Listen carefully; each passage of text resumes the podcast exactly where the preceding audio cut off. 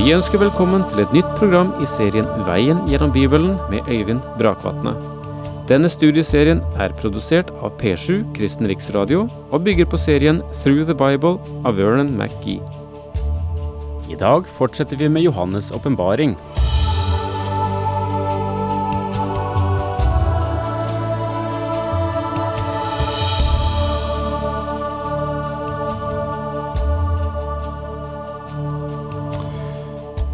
I kapittel fem så vi at lammet,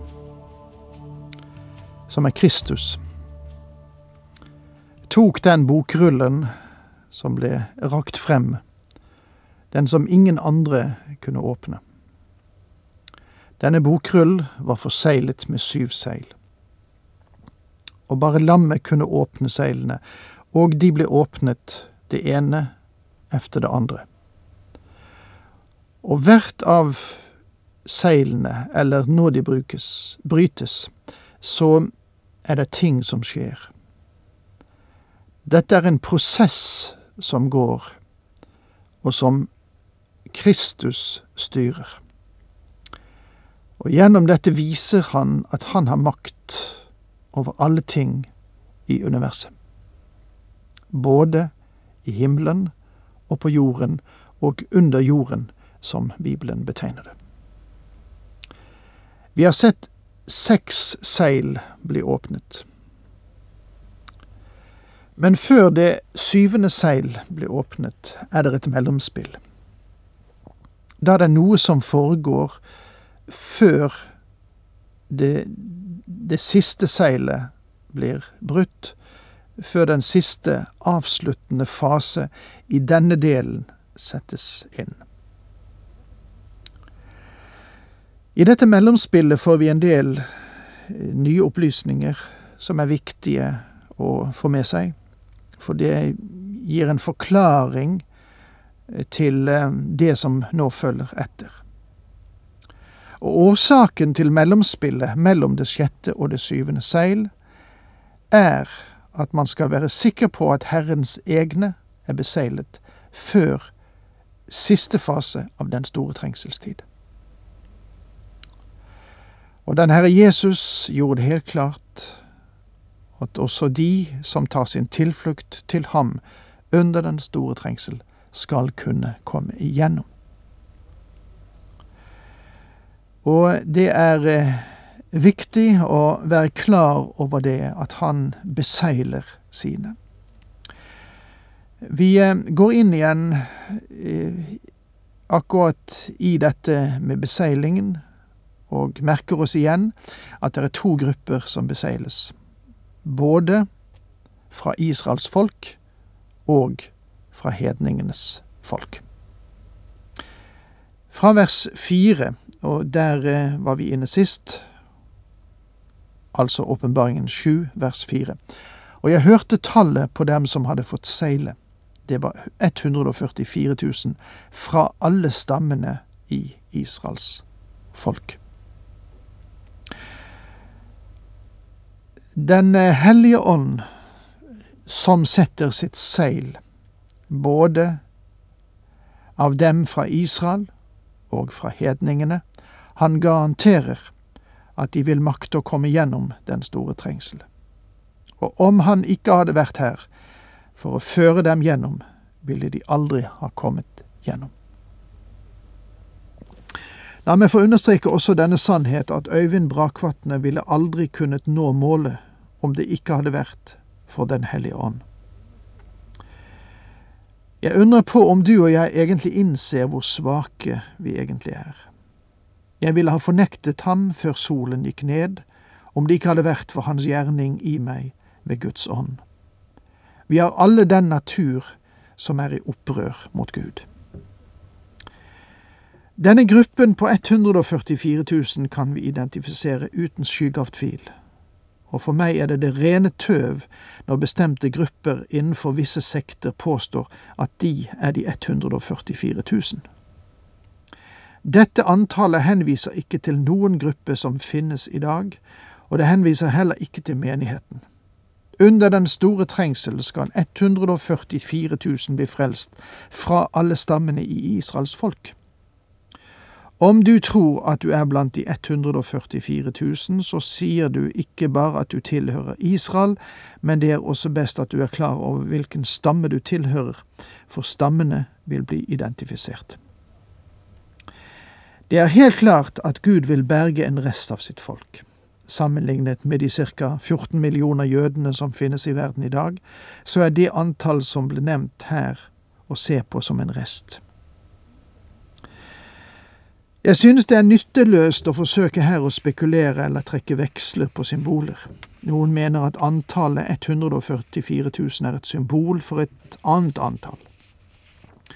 Bibelen gir oss ingen direkte grunn til å tro det. Fra alle stammene i Israels folk.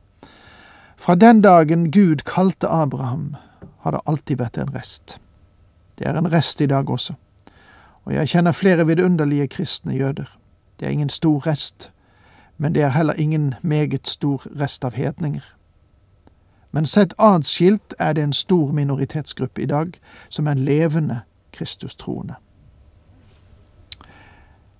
Paulus sier i Romerne 9, vers 8, dette betyr at den naturlige avstamning ikke gjør noen til Guds barn.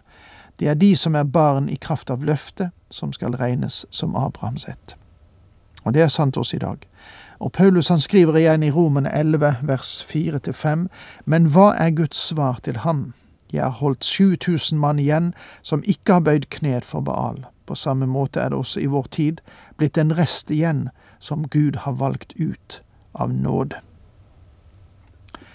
Paulus sa at i hans tid var det en rest i menigheten.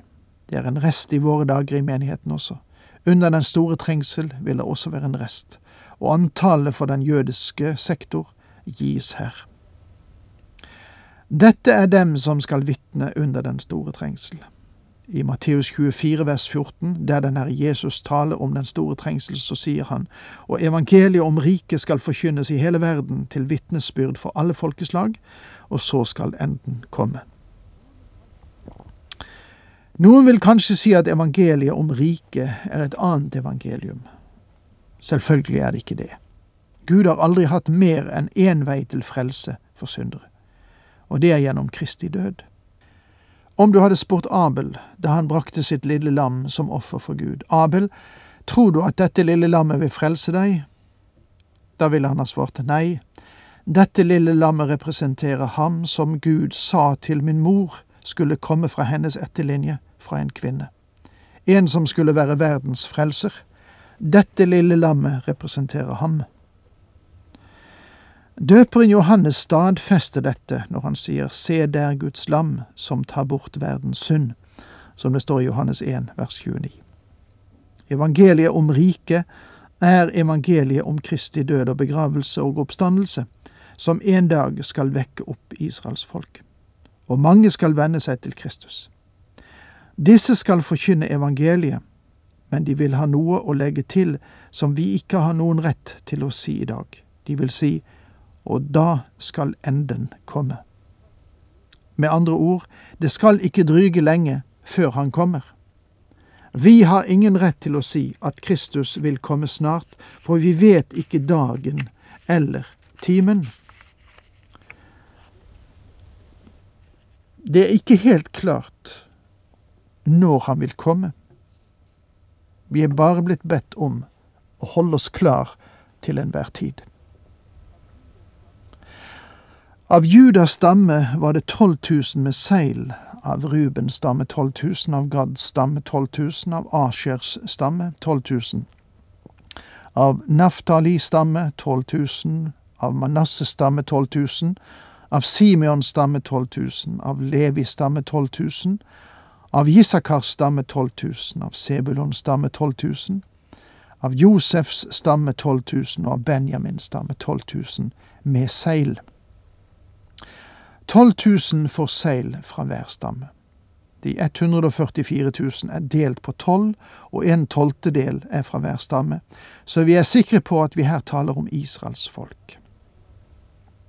Jeg kan ikke se hvordan noen kan åndeliggjøre dette og forsøke å tillempe det enten på seg selv og sin gruppe eller andre grupper utenfor Israel. Gud lovet, som vi ser igjen og igjen i Det gamle testamentet, at han vil komme og opprette sitt rike, som vi først vil se i et tusenårig kongedømme, i en prøvetid, og så føres dette videre inn i evigheten. Her møter vi Israels tolv stammer. Legg merke til at det her er tolv stammer, slik de også er betegnet i alle fall 13 ganger tidligere i Bibelen. Noen ganger er det visse forandringer, og det er ikke alltid at jeg makter å lodde årsaken til forandringen, men jeg vet at Gud har noe i tankene når han gjør visse endringer.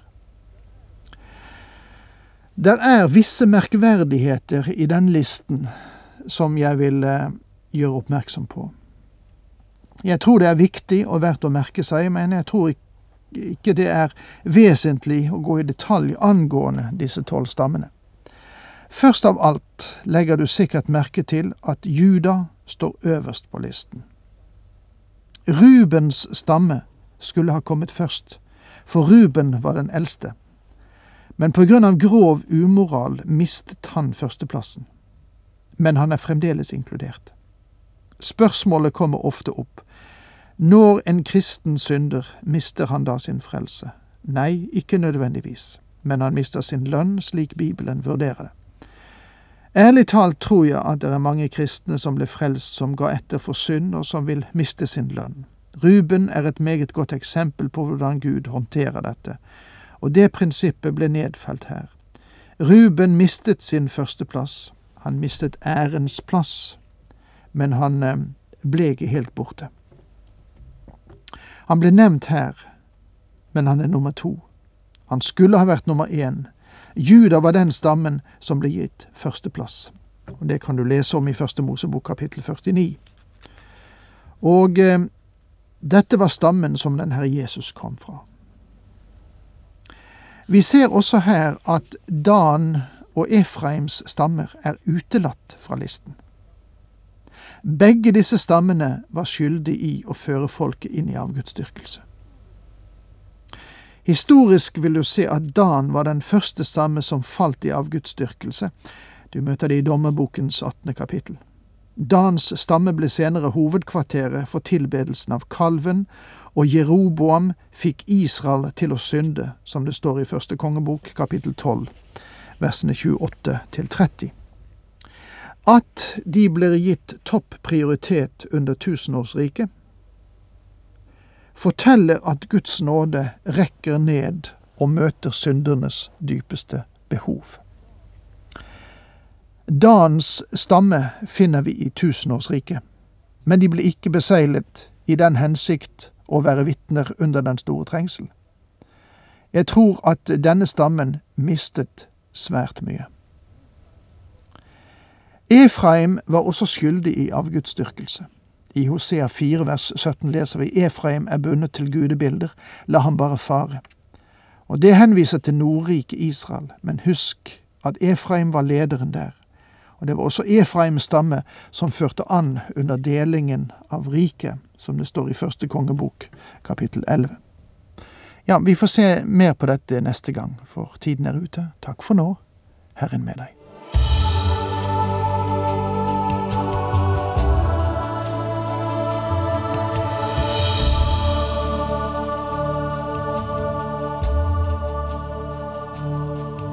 Du hørte Øyvind Brakvatne i studieserien Veien gjennom Bibelen.